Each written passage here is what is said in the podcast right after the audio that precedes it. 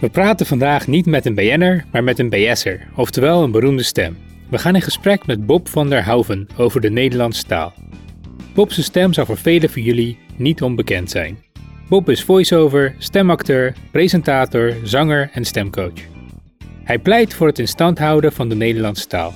Hij maakt ons bewust van hoe de taal evolueert, hoe wij spelen met taal en hij is bovendien zo vriendelijk om een aantal communicatiestrategieën met ons te delen. Echt een absolute genot om te praten met deze man. Niet alleen vanwege zijn gouden stem, maar ook dankzij zijn expertise, zijn liefde voor de Nederlandse cultuur en zijn interessante verhalen. Veel plezier met deze aflevering van Wat ze mis met de Nederlandse taal.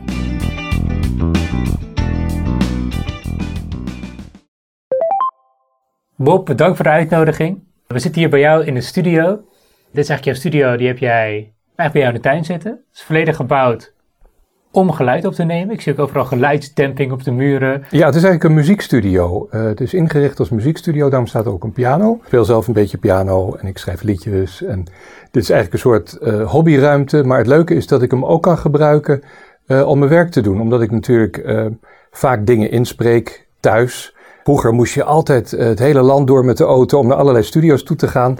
En dat is de zegen van de techniek van nu. Dat je gewoon thuis voor je microfoon gaat zitten je opdracht inspreekt. Ja, soms zegt een opdrachtgever, ja, ik wil wel kunnen regisseren. Nou, zeg ik dan, zet ik mijn uh, iPad ernaast met uh, Skype-verbinding. En dan kunnen mensen dus uh, corrigerende opmerkingen maken. Vroeger dan brandde ik het, mijn opname op een cd en die deed ik op de brievenbus. En nu, huppakee, gaat het gewoon over het internet. En vijf minuten later kan de klant erover beschikken. Heerlijk, ik sta nooit in de file. Nee, ik blijf gewoon, ook als ik nu hoor praten, ik blijf het gewoon geweldig vinden hoe jouw stem klinkt over audio. Want ook als ik je normaal spreek, heb je ook een goede stem, maar er gebeurt iets op het moment dat die microfoon aangaat, waar jouw stem zo goed overkomt. Um, nou, ik denk dat heel veel mensen die luisteren, die denken ook van, hé, hey, dat, is een, dat is een bekende stem, die heb ik al vaker gehoord. Kan je misschien even kort over je achtergrond vertellen, waar misschien mensen jou eerder van hebben gehoord? Ja, ik denk dat veel mensen, uh, nou in ieder geval mijn normale spreekstem kennen van de tv-documentaires die ik heb gedaan. En dan vooral de treinenserie Railway. Mm -hmm. want die loopt al bijna 25 jaar. Mm -hmm. En ik ben al vanaf bijna het begin ben ik bij dat programma betrokken. En ja, het wordt ook eindeloos veel herhaald, vooral in de zomer. ja, mijn stem uh, is nog alles te horen. Ja, daarnaast, als je KPN belt, als je daar toevallig, als dat jouw provider is, dan krijg je mij aan de telefoon. uh, en als je Allianz belt ook. En uh, ook nog een aantal gemeentes ben ik uh, de telefoonstem. Maar ja, in de loop der jaren heel veel bedrijfspresentaties gedaan. Commercials voor radio en tv. Daarnaast, maar dat, dat zullen mensen dan niet 1, 2, 3 herkennen aan mijn gewone stem. Heb ik veel karakters gedaan in tekenfilms, met name Disney-films. Mijn allereerste rollen waren Kwik, en Kwak. Wat leuk in DuckTales. Dat eh, ging vanaf 1988 uh, eh, die opname lopen. En ja, later zijn er nog een paar rollen bijgekomen. Um, ik heb de stem van Stitch gedaan in alle films van Lilo en Stitch. En ik ben Dr. Dovenschmiertz in Phineas and Ferb. Dobby de huiself in de Harry Potter films. Ik ben de Nederlandse E.T., maar die zegt niet veel hoor, dus dat was maar eigenlijk een heel klein uh, klusje. Dus ja, de, de, de gekste dingen en dan zou je misschien een paar karakters willen doen, Bob? Gewoon Tuurlijk. mensen het terug kunnen horen. Ik vind het ook heel leuk om te horen. uh, nou, het grappige was toen ik begon met Quick en Kwak, toen kwamen er uh, berichten uit Amerika, want die hadden dan samples daarvan mm -hmm. gehoord van, ja, maar dat is nep en het wordt gepitcht, dat geluid, uh, wordt door een harmonizer gehaald. Nee, nee, nee, we hebben gewoon een man die, ja, die, die kan hoog kwaken. Dus vandaar dat hij die rol doet.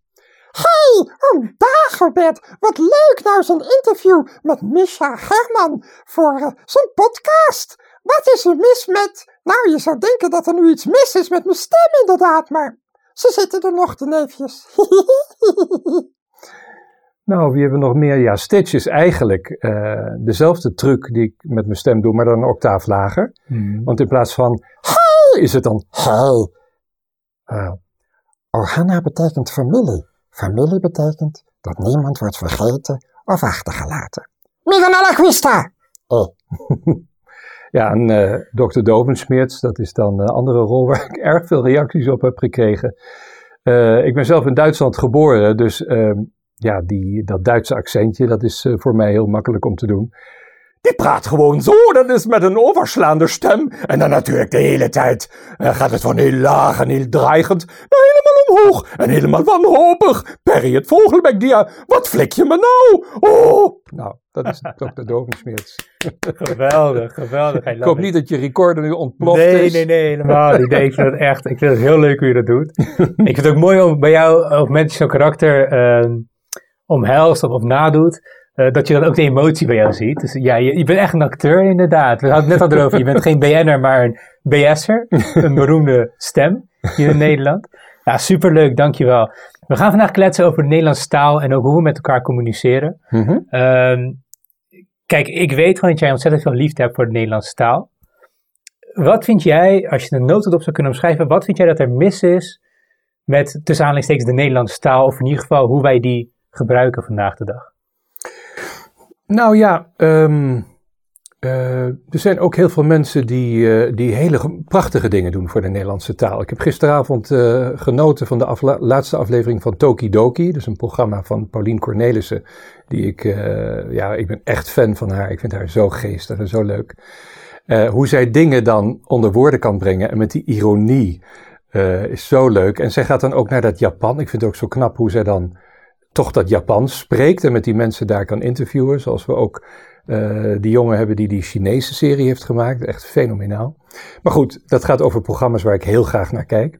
En die Paulien Cornelissen, daarom noem ik haar, is iemand die. Ze heeft ook een boekje geschreven dat heet Taal is zeg maar mijn ding. Hmm. En daarin speurt zij naar allerlei taalgekkigheden die, uh, die er ontstaan zijn. Want mensen zeggen natuurlijk soms de meest wonderlijke dingen. En dat is natuurlijk ook het leuke van taal. Taal is een levend organisme wat steeds weer muteert, steeds weer verandert. En er zijn bepaalde invloeden die zijn heel erg sterk. En een van de sterkste invloeden op de Nederlandse taal is het Engels. Eigenlijk is het ook heel logisch dat dat gebeurt. Het begon er al mee dat toen Nederland werd bevrijd door de Amerikanen, wij natuurlijk die, die, die Engelstalige cultuur omarmd hebben. Mensen houden heel erg van Amerikaanse muziek, ik zelf ook. Um, uh, van dingen uit Engeland. De Beatles zijn uh, natuurlijk de grote vernieuwers in de muziek geweest. Dus de invloed van dat Engels is enorm groot, wereldwijd, maar ook zeker, wij zijn natuurlijk het buurland van Engeland, zeker ook op Nederland. We zijn een handelsnatie, we staan erom bekend dat we onze talen spreken. Het enige wat ik dan wel eens een beetje spijtig vind, is dat mensen ook Engelse woorden gaan gebruiken, te pas en te onpas in het Nederlands, uh, waar dat niet hoeft, waar je gewoon prima Nederlandse woorden kunt gebruiken. En als ik dan luister naar iemand die zo praat, dan vind ik dat soms wat aanstellerig klinken. Uh, een beetje interessant doenerig. Uh, hè, want we hebben straks een meeting. Dan denk ik, nou, we kunnen ook gewoon een vergadering hebben straks. En uh, ik, ik weet nou niet zo 1, 2, 3 voorbeelden, maar ik denk dat mensen wel weten wat ik bedoel. Awkward, dat woord gebruikt. Dat hoor je vooral bij jonge mensen, uh, ja. meer dan bij de oudere generatie. Oh, ja. Terwijl ook de oudere generatie enorm onder invloed staat van die uh, anglo-saxische cultuur. Maar ja, de jonkies die kijken allemaal naar Netflix en natuurlijk alle Engelse series, luisteren uh, Amerikaanse muziek. Dan is het ineens van, oh, dat is wel awkward hoor. Of, hey, nice. En dat ik denk, ja, ja, hoeft van mij dan niet zo. En ik heb ook wel eens een discussie gehad met iemand van, laten we zeggen, begin twintig. En die zei gewoon klip en klaar tegen mij, Bob, over één generatie, twee generaties praten we gewoon Engels in dit land. Misschien heeft hij gelijk. Als hij gelijk heeft, zou ik het betreuren, omdat er dan voor mijn gevoel iets verloren gaat wat de moeite waard is. Ik heb zelf Engels gestudeerd, omdat ik dat een waanzinnig mooie taal vind. Uh, en tijdens die studie ben ik juist het Nederlands zo gaan waarderen door het vele heen en weer vertalen ben ik de rijkdom van het Nederlands gaan ontdekken. En heb ik iets van, dat is wel iets om te koesteren en om een beetje zuinig op te zijn. Maar wat is dat dan? Wat is die rijkdom dan? Want waarom kan je niet meeting zeggen in plaats van vergadering? Nou ja, wat raak je dan kwijt? Uh, dan raak je het woord vergadering kwijt. Maar wat, het, is, het zijn maar woorden toch? Hoe belangrijk zijn die nou? Hoe belangrijk is dat? Ja, dat is ook weer zo'n uh, frase die je steeds vaker hoort. Hoe leuk is dat? Is dat ook een anglicisme? Het zal wel, weet ik niet. Is dat niet goed Nederlands? nee, dat is geen goed hoe zou, je, hoe zou je dat dan zeggen? Ja, dat zijn van die modieuze kreten. Hè? En volgens mij wordt dat ook weer uit andere talen overgenomen. Maar of het nou Engels is, weet ik niet. Dus in Nederland zou je zeggen, is dat wel belangrijk? Ja, ja. Nou ja, ik hoor vooral de, hoe leuk is dat? Ik denk, ja. Uh, en inderdaad van, is, is dat jouw ding? Dat, Ja. dat is echt een anglicisme. hè? That, that's my thing, that's your thing. Dat, Mhm. dat is gewoon rechtstreeks uit het Engels. Ehm, ja, kijk, ik geef een ander voorbeeld. Als ik kijk naar wat er allemaal wordt gebouwd hè, aan huizen in Nederland, dan zie ik wel eens ook huizen verrijzen waarvan ik denk, nou, die hadden ook ergens in een Amerikaanse voorstad kunnen staan. Dat is architectuur die eigenlijk helemaal niet in Nederland thuis hoort. Kan wel, het kan ook heel mooi zijn. Het, het is niet fout. Maar ik kan erg genieten van ja, de typisch herkenbare Nederlandse eh, boerderijen, hè, waar we een aantal soorten van hebben. De kleurkeuzes, het donkergroen van de Zaanse Schans. Nou, ik geef maar wat voorbeelden. Dat behoort allemaal tot dat Nederlandse culturele erfgoed, tot Nederlandse cultuur. Dat geldt ook voor onze taal. En nogmaals, taal verandert. Hè? Dat is iets dat hou je niet tegen en dat wil ik ook helemaal niet tegenhouden. Het is niet zo dat eh, veranderingen fout zijn. Het zijn alleen niet altijd verbeteringen. En ik vind dat je je dus een beetje kritisch daarnaar mag verhouden. Ik snap wat je bedoelt. Dus eh, als je het puur doet om te vervangen om te vervangen, maar het voegt niks toe, dan raak je, eh, dan hou je echt niks erbij. Maar je raakt wel wat kwijt. Want je, Je raakt raakt een klein kwijt. stukje cultuur kwijt. Je raakt een klein stukje je, je Nederlandse ja, roots. Ja, Wortels. Misha, ik praat ook zo. Hè? Ik Ja, ja. gebruik ook woorden, want ik kom inderdaad eerder op het woord roots dan op het Nederlandse equivalent. En dat Mhm. is gewoon omdat ik het zo vaak om me heen hoor. Dus ik doe het ook. En ik heb ook, eh zei ik laatst tegen iemand, oh, you're, you're in between jobs. En toen dacht ik bij mezelf, waarom zeg ik dit nou? ja. Het is zo'n gangbare uitdrukking. Mhm. En het is ook niet allemaal verschrikkelijk fout. Maar blijf bewust van wat je doet. Ja, ik vind het ook jammer eh, om te zien dat de spelling en het idioom in, in kranten ook terugloopt. Sowieso de beheersing van de Nederlandse taal vind ik toch bij jonge mensen van nu erg teruggelopen. Dat verwijt ik die jonge mensen niet. Ik denk dat zij ook docenten hebben die ook het niveau niet meer halen wat ze eigenlijk zouden moeten halen. Maar dat is ook iets van alle tijden, want ik herinner me En ook denk dat... jij dat, om daar sorry Ja? om je dat ik onderbreek, maar en denk je dat het Engels vooruit is gegaan? Ik denk dat mensen nu veel beter Engels spreken dan vroeger. Oké. Ja, als je luistert naar de oudere generatie, eh, alleen al hoe ze het Engels uitspreken, is vaak met een vreselijk Nederlands accent. En de jonge mensen van nu spreken dat veel beter. Ja. Ja. Dus het heeft ook. Maar als ik iemand hoor zeggen, de reden ik het vraag, als ik iemand hoor zeggen van ja, jongeren die kunnen niet meer schrijven en die kunnen niet meer praten. Even heel plat gezegd, dat zeg jij niet hoor, maar dat, dat hoor je wel eens. Ehm, dan denk ik, ja, dat klopt. Het Nederlands is misschien niet zo rijk als dat het was in het verleden. Maar het Engels is wel een stuk sterker geworden. Wij spreken wel beter, veel beter Engels inderdaad met z'n allen. Ja, zeker qua uitspraak en qua spreekvaardigheid is dat heel erg eh, verbeterd. Ehm, maar ja, ik schrik wel als ik soms een, een, een, een opstel zie. eh, of een, een werkstuk van iemand die al op HBO-niveau aan het studeren is. En ik, ik lees dat en ik zie dus hoe dat helemaal wemelt van de, van de spelfouten. En eh, ja, dan denk ik, oh, daar, ja, daar is dus wel iets verloren gegaan. En wat voor spelfout kun je wat voorbeelden geven? Als jij een spelfout ziet, Nou. denk van, oh, als ik dit zie, nou, dan gaat, krijg ik kip. Nou, echt van, eh, dat is een feit met een lange ei. En, eh, en zij, en dan eh, dus zij, lange ei en zij, Ja. verleden tijd van zeggen, door elkaar halen met de korte ei. Ja. Nou ja, DT, dat gaat al helemaal nooit meer goed, lijkt het wel. Wat ik trouwens ook iets raars vind. Ik vind dat ze dat ook uit de Nederlandse taal moeten halen, hoor. De DT? Ja. Ja. Waarom? Omdat je niet hoort. Hè? hij wordt, het is niet hij wordt. Het is hij wordt. Je hoort Ja. alleen maar een T. Dus waarom moeten we DT schrijven? Er zijn ook dingen voor verandering vatbaar, tuurlijk. Maar daar kan je in doorslaan, want eh, er is ook een tijd geweest, ik geloof jaren zeventig, dat er altijd werd gezegd van, hè, door het Nederlands taalgenootschap, ja, we moeten de dingen gaan schrijven zoals we ze zeggen. Hmm. Commercieel werd ineens met een K en met S-J-E-E-L. En daar is iets voor te zeggen, natuurlijk, om het gewoon te schrijven zoals je het zegt. Maar ehm, wat dan verloren gaat, is een basiskennis van het Frans. Dat is, het is toch wel handig als je cadeau gewoon schrijft zoals de Fransen het schrijven, met C-A-D-E-A-U. Dan hoef je het later niet meer te leren, die spelling, als je Frans gaat leren. Dat is mooi meegenomen. Ik ga iets zeggen, Bob, maar dan moet je niet verkeerd opvatten, oké? Mhm. Dit zeg ik met een smiley. Wie, wie leert er nog Frans? Nee, niet weer nee? de Frans. Oké. Ben jij niet gewoon een mierenneuk als het gaat om taal? Absoluut. Ja, ik ben wel een beetje puristisch. En dat besef ik ook. Want eh, de dingen, ja, de kritische dingen die ik zeg, die hoor ik niet heel veel om me heen. Dat ik denk van, Ja, wel, wel, er zijn meer mensen die, uh, die zo praten. Maar, en dan denk ik ook soms van begin ik nou een oude zeur te worden, want dat wil ik ook helemaal niet zijn. Maar jij houdt gewoon van, wat is dan die passie erachter? Waarom hou je ja, er zo van? ik hou zo ontzettend van die taal. Ik heb voor mijn werk zo enorm veel gelezen en ik weet dus hoe mooi goed Nederlands is. Mhm. Maar ik hou ook heel veel van die andere talen. Die vind ik ook prachtig. Ik ben drietalig opgegroeid. Uh, en dat, dat is heel mooi als je dat meekrijgt. Ik ben geboren in Zuid-Duitsland. Omdat mijn vader daar werkte voor de Amerikaanse militairen als muzikus. Dus in het gezin spraken we Nederlands. In de directe omgeving Engels, want we woonden bij de Amerikanen. Mhm. Maar ik ging wel naar een Duitse school en ik had ook Duitse vriendjes. Dus alles kwam tegelijk. En dat heeft me heel erg bewust gemaakt van taal. Dat heeft voor een belangrijk deel mijn loopbaan bepaald. Waarom is het dan zo belangrijk dat je dat stukje cultuur vasthoudt? Waarom niet gewoon laten gaan? Waarom kan je niet gewoon zeggen, joh, het woordje cadeau, zoals de Fransen dat schrijven, dat heeft gewoon zijn tijd gehad. Het heeft nu ook een soort van andere betekenis in, in de nieuwe context.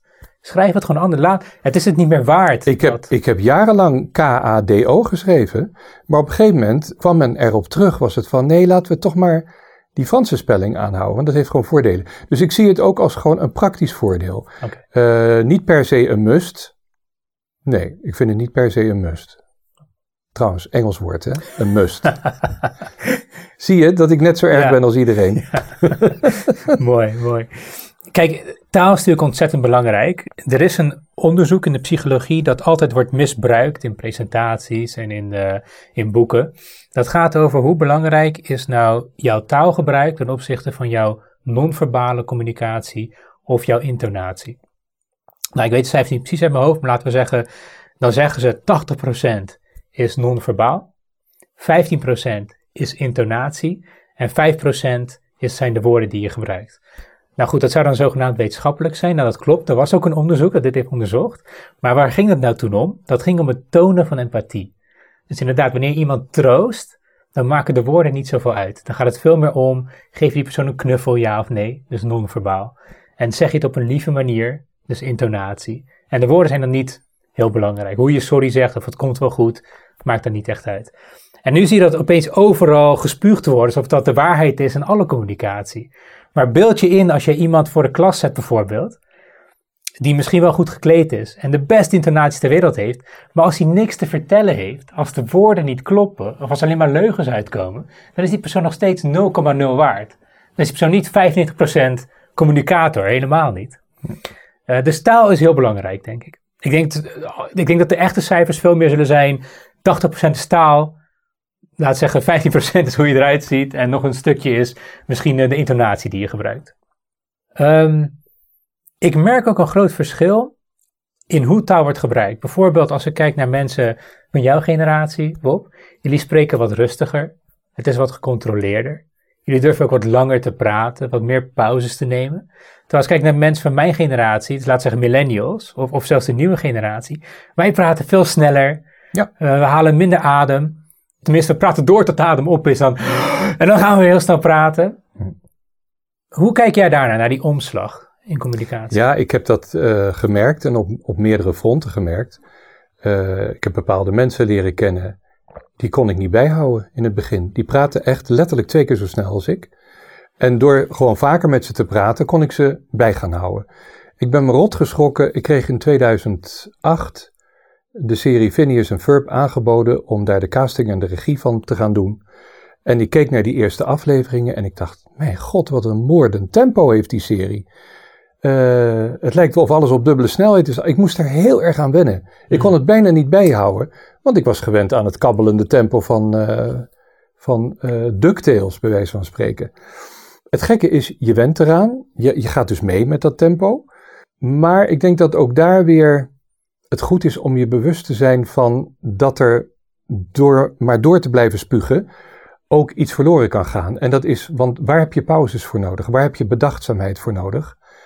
Om je gedachten te vormen en misschien wel iets zinnigs te zeggen. Terwijl als je. dan kan je misschien wat zinnigs zeggen, maar je hebt wel minder tijd om het te bedenken. Ik heb het idee persoonlijk, en ik denk ook dat de reden dat de meeste mensen zo snel praten. Ik denk dat er twee redenen zijn. Nummer één is, er wordt continu heel snel tegen ons gesproken. Ja, Als je op tv dus kijkt, je neemt het over. je neemt het over, dat, dat is één. Ja. Maar twee is ook, ik denk dat heel veel mensen het idee hebben, dat heb ik zelf ook. Als je te langzaam spreekt, of als je te veel pauzes laat, dan of haken mensen af qua aandacht. Dan heb je gewoon de aandacht niet meer. Of iemand komt ertussen. Want zodra er een stilte valt, dan begint de ander met praten. Ja, ja, ja, ja, dat zou kunnen. Ehm, dus eigenlijk eh, pleit jij voor het hoge tempo, waar geen spel tussen te krijgen is. Nou, nee. Ik omschrijf meer hoe het nu is. En de reden dat ik denk dat mensen zo snel praten. Maar ik vind ook persoonlijk dat heel veel verloren gaat in dat snelle praten. Want ik Ja. hou van verhalen. Ik hou van luisteren naar interessante verhalen. En je moet maar een keer horen hoe vandaag eh, veel mensen een verhaal vertellen. Het is heel erg alsof het op de basisschool is. Het is heel erg en toen en toen en toen en toen en toen en toen conclusie. Dus Ja. heel veel feiten achter elkaar. In chronologische volgorde. Ik, de- ik coach mensen ook, hè, die hun stem gebruiken en die Ja. bijvoorbeeld voice-over willen worden. En een van de frasen die ik altijd gebruik is: spanning zit in stilte en niet in modulatie. Wat is modulatie? Het voortbrengen van geluid. Oké. Als ik jou een verhaal vertel, en stel je voor, ik ben verteller van een sprookje. Of de man liep naar de deur toe, stak zijn hand uit, legde hem op de klink en voelde zijn hart bonzen. Langzaam drukte hij de klink naar beneden, trok de deur open en zag zijn schoonmoeder staan. Maakt niet uit waar het naartoe gaat. Dat is wel een schok natuurlijk. Ehm, maar waar het om gaat is, als je maar doorrebbelt, dan bouw je helemaal geen spanning op. Geen, geen, eh, geen Nee. spanningsboog, zoals we dat noemen in de taal.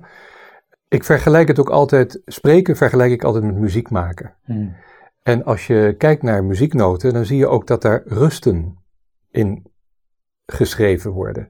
En dat je ook inhoud. Interpretatie is ook dat je op een gegeven moment stil durft te vallen en dan weer doorgaat. Of dat je een tempo verhoogt, dat je ineens sneller gaat, dus dan wordt het spannender, spannender, spannender. Maar ook juist dat je vertraagt. Rallentare. Eh, betekent dat doe je ook, vertragen. Oké. Niet Nederlands. Nee, nee, maar de, de muziektaal, dus alle notities in, in de muziek, in de noten, die staan allemaal in het Italiaans. Ah. Pianissimo, heel zacht. Fortissimo, heel hard. Ehm, dat is de muziektaal. Anyway, eh, waar- anyway, hè? Hoor, je, het- hoor je het me Ja. zeggen? Een boeiende verteller, die zal echt nooit continu doorrebbelen. Dat boeit niet. Dan, dan verliest hij de aandacht van zijn gehoor. Als je mensen op het puntje van hun stoel wilt krijgen, dan zul je moeten spelen met tempi, hè, dus met sneller spreken, met langzamer spreken, met luider spreken, met zachter spreken, met niet spreken, met wachten en alleen maar om je heen kijken. Kijk eens naar de grote redenaars, naar mensen die een hele goede speech kunnen doen. Ik vond Obama iemand die heel goed een toespraak kon houden. Die maakte heel bewust gebruik van stiltes. Dan liet hij gewoon een stilte vallen en keek hij alleen maar even om zich heen. En dan zag je iedereen als het ware, wat komt er nou? En dan hou je je gehoor vast. Ja. Dat is bewust taalgebruik. Dus, maar ja, het hele, weet je, eh, het is een, ook een tijds, tijdsgeest. Het hele tempo ligt hoger. We, we hollen van A naar B. eh, we hebben zoveel dingen te doen. En we hebben kinderen die zitten, de een zit op ballet, de ander moet naar judo, die moet dat, ja, paardrijden, hup. Ook nog even naar school. Oh ja, en dan heb je nog een, eh, je bent ook nog voorzitter van de plaatselijke voetbalvereniging, ik zeg maar wat. De mensen hollen en hollen en ja, er is zo weinig tijd. Dus alles moet snel en snappy en oh, even een appje en oh, even dat. En ik heb wel eens het idee dat mensen daardoor ook eh, sneller opbranden. Ja. Zo ontstaan ook burn-outs, om maar weer zo'n goed Nederlands woord te gebruiken. Ja, nee, tempo ligt zeker hoog. En ik denk wel, inderdaad, als ik iemand van jouw generatie, als ik dan een gesprek hoor, of een oude interview luister, het duurt wel langer allemaal, inderdaad. Ja, als, je, als je twee millennials naast elkaar zet, die kunnen heel veel informatie in heel weinig tijd stoppen. Misschien op de meest boeiende manier. Maar ja, er past wel veel. Maar En gaat, is wel gaat het alleen maar om informatie?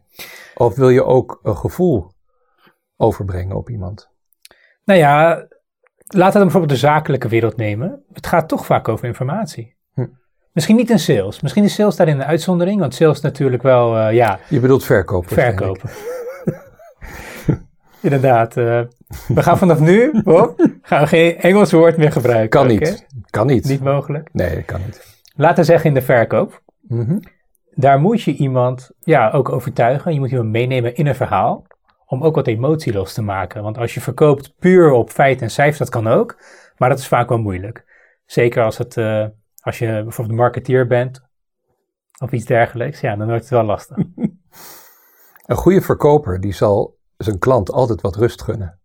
Ja. Om iets even in te laten dalen, wat informatie. Of ze even de kans te geven na te denken van, is dit wat ik wil? Maar die zal ze ook meenemen, toch, in een verhaal? Ja. Ja. je zal niet alleen maar zeggen, dit is de beste auto, want ABC. Ja, dat zit er ook in natuurlijk. Maar die zal ook wel de emotie toespreken. Maar goed, uh, de vergaderwereld, als wij gewoon communicatie met elkaar moeten uitwisselen, ja, dan gaat het toch wel volgens mij voornamelijk om communicatie. Om, om informatie, sorry. Ja. En ook om efficiëntie, want je wilt ook geen tijd verdoen nee. aan nutteloos ge, ge, gekwaak. Ja, dat is waar. Ja. Dus um, de snelheid hoeft niet per se fout of slecht te zijn, helemaal niet. Dat is onzin natuurlijk. Het gaat mij vooral om uh, bewustzijn van wat er gebeurt. En misschien af en toe een beetje kritisch naar kijken of dingen niet ook anders kunnen. Maar wat is dan anders kunnen? Hoe zou je het dan beter kunnen? Wat kunnen mensen. Kijk, wij weten dat taal, bijvoorbeeld in Amerika, is de, hoe goed jij kan lezen en schrijven, nummer één voorspeller van jouw commercieel succes. Dus uh, de mensen die best kunnen lezen en schrijven, die hebben ook gewoon best betaalde werk. Ja, dus taalbeheersing is heel belangrijk. Ontzettend. En uh, wat ik altijd roep is communicatie is alles. Ik denk dat communicatie in welke vorm dan ook uh, zo bepalend is voor ongeveer alles in je leven. En nou, we leven nu in een tijdperk waarin we heel veel communicatiemogelijkheden hebben, omdat we natuurlijk ook social media hebben. We kunnen appen, we kunnen bellen, we kunnen. Het grappige is, mensen bellen steeds minder. Heel veel communicatie gebeurt via de app. En dat is ook in heel veel gevallen is dat ook heel doelmatig. ik vind het zelf ook super handig, ik gebruik het ook heel veel. Toch zijn er uh, momenten dat ik heel bewust ervoor kies van nee, nu ga ik bellen. Voorbeeld. Ik kreeg een e-mail van uh, een nieuwe klant die mij iets wil laten inspreken en die vraagt dan van nou, we zitten daar en daar aan te denken en wat voor prijs zou je daarvoor rekenen? Omdat het een nieuwe klant is, vind ik het interessant om kennis te maken met die persoon. Want dan denk ik, ja, wat willen ze nog meer en wat is hun ja, wat, wat, wat, wat voor gedachten zitten erachter? Ik vind het heel erg belangrijk in de communicatie om het gevoel te hebben dat ik iemand een beetje leer kennen. Want dan, al pratend, kom je namelijk tot, tot veel meer dan uh, alleen maar door even wat geschreven berichtjes heen en weer. Dus in zo'n geval zal ik altijd die klant bellen en zeggen, gewoon wat leuk uh, dat je aan me gedacht hebt. En ben ik ook benieuwd altijd van hoe kom je op het idee? Heb je me gevonden op internet of ben ik aanbevolen door iemand? Altijd nuttige informatie, leuk om te weten. En al pratend kom je er soms achter dat iemand eigenlijk iets heel anders wil dan in die e-mail stond. Dat is hartstikke nuttig. En daarmee kun je al een basis vormen voor toekomstige samenwerking die veel meer solide is dan wanneer je dat niet had gedaan. Dus ik vind, uh, je moet altijd heel bewust kiezen uh, voor de vorm van communicatie. Ga je een e-mail sturen? Ga je een appje sturen? Of ga je toch bellen? Maar wat, wat. Kijk, vroeger kon het natuurlijk niet. Vroeger kon je alleen maar bellen. Ja. Oh, daarvoor kon je niet eens bellen, bij wijze van. Maar, veel ging per brief. Ja, veel ging per brief ook. Ja. Op papier. Kijk, het voordeel natuurlijk aan WhatsApp bijvoorbeeld, is je hebt wel de tijd om erover na te denken. En je kan minder snel gedwongen worden om iets te doen wat je misschien niet zou willen. Dus die pusherigheid is er wel af. En ik merk het ook inderdaad, en bijvoorbeeld als ik denk aan mijn neefjes en nichtjes, die vinden het heel raar als ik bel inderdaad. Die willen veel liever dat ik even een appje stuur. Het is makkelijker, kunnen ze op hun eigen gemak even naar kijken. Op hun eigen tijd ook. En ze denken ook vaak dat er iets aan de hand is of zo. Van, hé, maar waarom bel je eigenlijk? Is er iets, is er iets aan de hand? Terwijl ja. ik denk, nee, ik wil gewoon even... Ja, wat mensen tegenwoordig ook vaak doen, is een appje sturen van, schikt het je als ik nu bel? Ja. Wat vind je daarvan? Dat vind ik helemaal niet gek. Dat vind ik eigenlijk. Nou, om te beginnen is het een enorme verworvenheid. Al die technologie. Uh, het feit dat ik. Ik heb een vriend in Sydney wonen. En dat die uh, real time, om het maar weer in goed Nederlands te zeggen. Op het moment zelf. Doen? Op het moment zelf. reageert op een post van mij. Ja hoor, een, uh, een berichtje wat ik geplaatst heb op Facebook. Uh, en dan ook nog even een foto erachteraan stuurt. Uh, en dan denk ik, oh, als ik nog bedenk. Mijn zus die is in 1970 naar Italië verhuisd. En als we haar wilden feliciteren met de verjaardag, dan moest ik naar het postkantoor. Dat moest dan wel voor 's ochtends 11 uur. Dan moest je een vermogen betalen per woord uh, voor een telegram. Maar dan werd het wel voor drie uur middags aan de deur bezorgd. En als er dan ook nog bloemetjes op moesten staan, dan moest je een toeslag betalen. Want dan was het een gelukstelegram. En nu, ik heb vandaag een vriend die in Sarajevo woont, in Bosnië.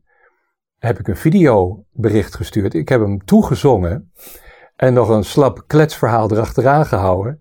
En vervolgens kreeg ik ook een video terug omdat hij uh, heel erg had moeten lachen om mijn bericht. En dan is er een stukje communicatie met beeld en geluid. En dan denk ik, wauw. Want ja, ik ben altijd gek geweest op alles wat met beeld en geluid te maken heeft.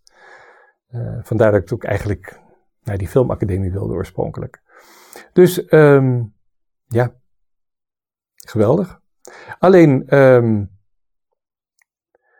wees je wel bewust van wat je doet. En, en ja, eh, eh, een, een mening ventileren op Facebook, daar moet je mee oppassen. En hetzelfde geldt voor Twitter. Uh, dus gebruik die me media op de juiste manier. Tenminste, dat probeer ik te doen.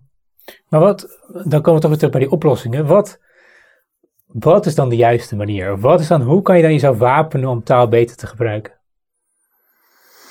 Het gevaar van geschreven taal is dat die anders wordt geïnterpreteerd dan die bedoeld is, omdat uh, de, de, je hoort de stem niet en dus niet de intentie waarmee iets gezegd wordt. Als je ja, slecht nieuws brengt, moet brengen, denk ik dat je dat in de regel echt gesproken moet doen. Mm Omdat je dan door de manier waarop je het zegt, ja, toch een ander gevoel kunt overbrengen dan wanneer het keihard op papier staat of keihard in je telefoon staat. En dan help je de emoticons ook niet altijd om dat gevoel te corrigeren. Dus ja. Wat kunnen mensen nog meer doen? Bijvoorbeeld schrijfvaardigheid, we hebben het er een beetje over gehad. Maar jij zegt, joh, die datejes en teetjes en lange ijs, korte ijs. Ja, wat is, is het een kwestie van oefenen, denk je, voor mensen? Moeten die gewoon meer gaan oefenen? Moeten die langer kijken? Moeten die even een keer goed kritisch kijken naar wat ze schrijven? Wat kunnen nou mensen nou, doen? Eh, men zegt dat je taalbeheersing beter wordt door te lezen. Ik, ik geef eerlijk toe, ik lees ook niet meer zoveel als vroeger. Toen ik dat beroepsmatig ook deed. Uh, dus meer in de vakanties en zo. Maar ja, door, door veel te lezen, ik lees wel uh, twee dagbladen elke dag en af en toe een boek, ja. Dan, dan zie je vaak goed geschreven teksten, meestal, als het mee zit. Daar leer je altijd van natuurlijk, hè. Ja. Dat. Lezen, lezen is goed. Oké. En, en les krijgen van mensen die weten waar ze het over hebben. Dat, dat kan ook helpen. Maar wat zijn dus de schrijvers? Ja, dan moeten ze op een goede school zitten. Of, uh, ja, of ga, ga eens naar een lezing van een leuk iemand of zoiets. Ja. ja. Maar ja, het is, het is wel zo dat onze cultuur nu, vergeleken met vroeger, is veel meer een beeldcultuur geworden. Hè? Dus alles is filmpjes. Mm -hmm. Alles is YouTube. Mm -hmm. En uh, en ik moet zeggen, dat vind ik voor een belangrijk deel ook heel erg leuk. Ik ben zelf ook iemand die beeldend denkt, dus het spreekt mij ook wel aan. En tegelijkertijd hebben we nog dat andere vehikel, dat heet taal. En daar kun je zoveel moois mee. Dus vergeet het. Vergeet dat andere niet. Nee, zeker niet. ik, ik, wil toch nog wat vragen stellen over stemgebruik. Ja. Want goed, ik heb nu de masterbewijs van tegenover me, dus ga ik natuurlijk uh, volle gebruik van maken. Stel je bent een snelle prater. Mm dat zit natuurlijk in alles. Het zit zowel in geen ademhalen, dat zit in uh, veel woorden achter elkaar spugen.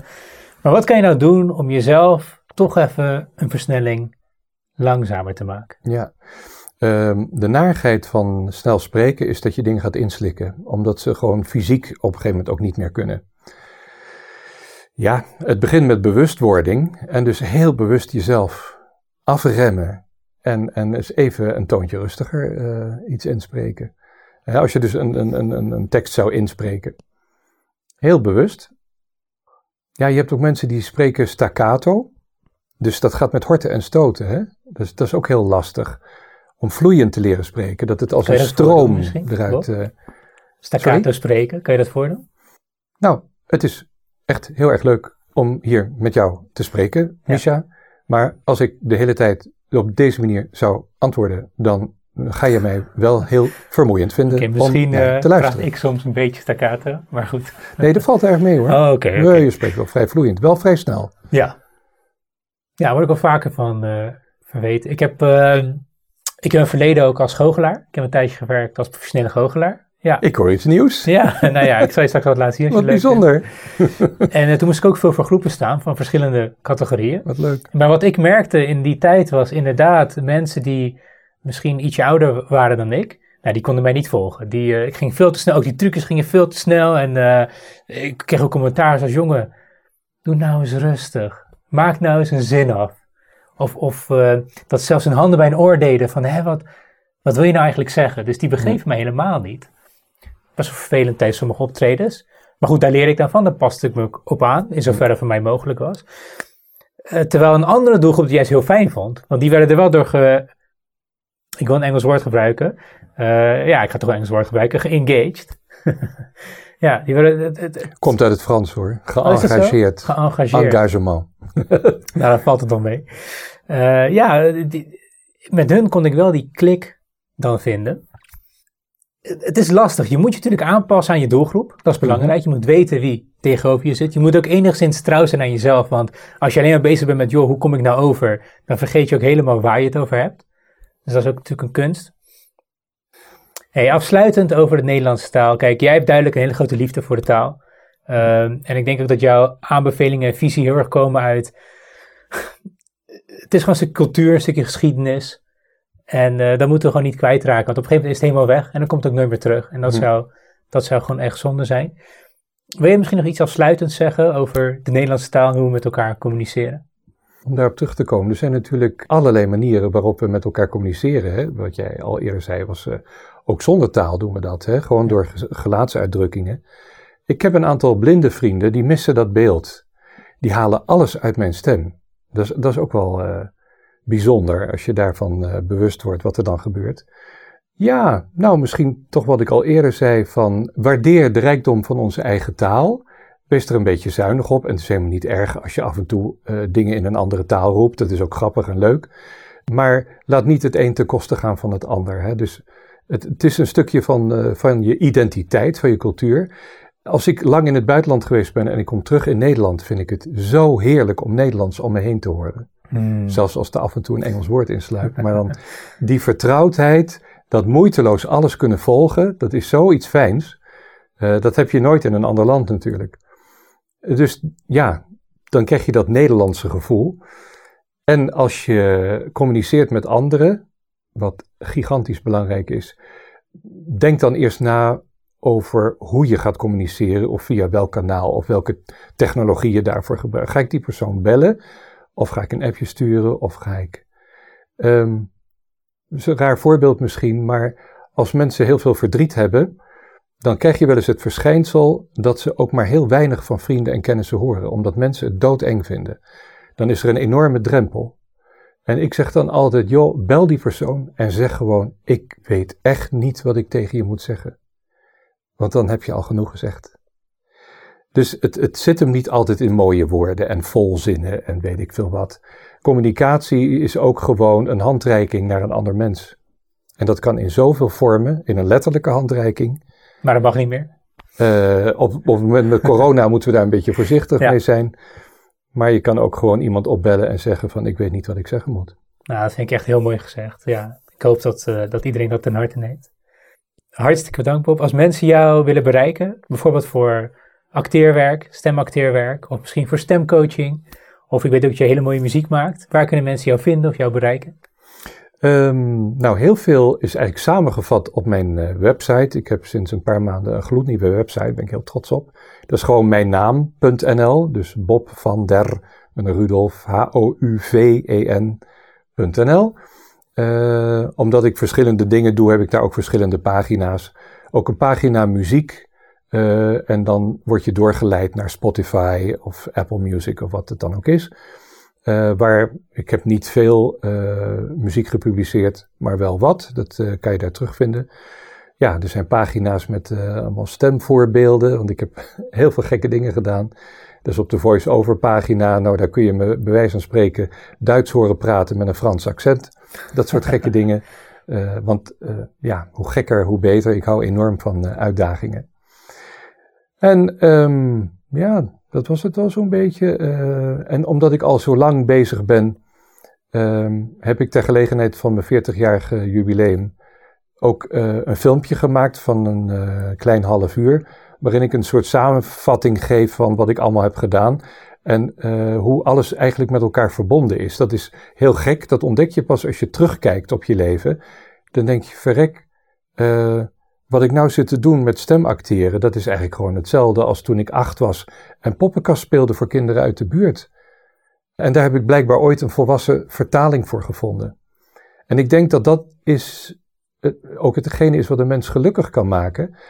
Als je iets in je leven kunt doen wat eigenlijk iets is of representeert wat je als kind al heel mooi vond. Dat kan ik iedereen aanbevelen. Het is misschien niet altijd makkelijk om dat te bedenken, wat dat zou kunnen zijn. Maar wat vond je al heel erg leuk als kind en kun je daar een volwassen vertaling van vinden? Heel mooi. Heel mooi, dankjewel Bob. En uh, nou ja, ik vond het een hele leuke opname. Ik weet zeker dat uh, mensen er veel aan zullen hebben. En uh, ja, misschien kunnen we het nog een keertje doen ooit. Lijkt me heel leuk. Je bent altijd welkom, Michel. Dankjewel, dankjewel.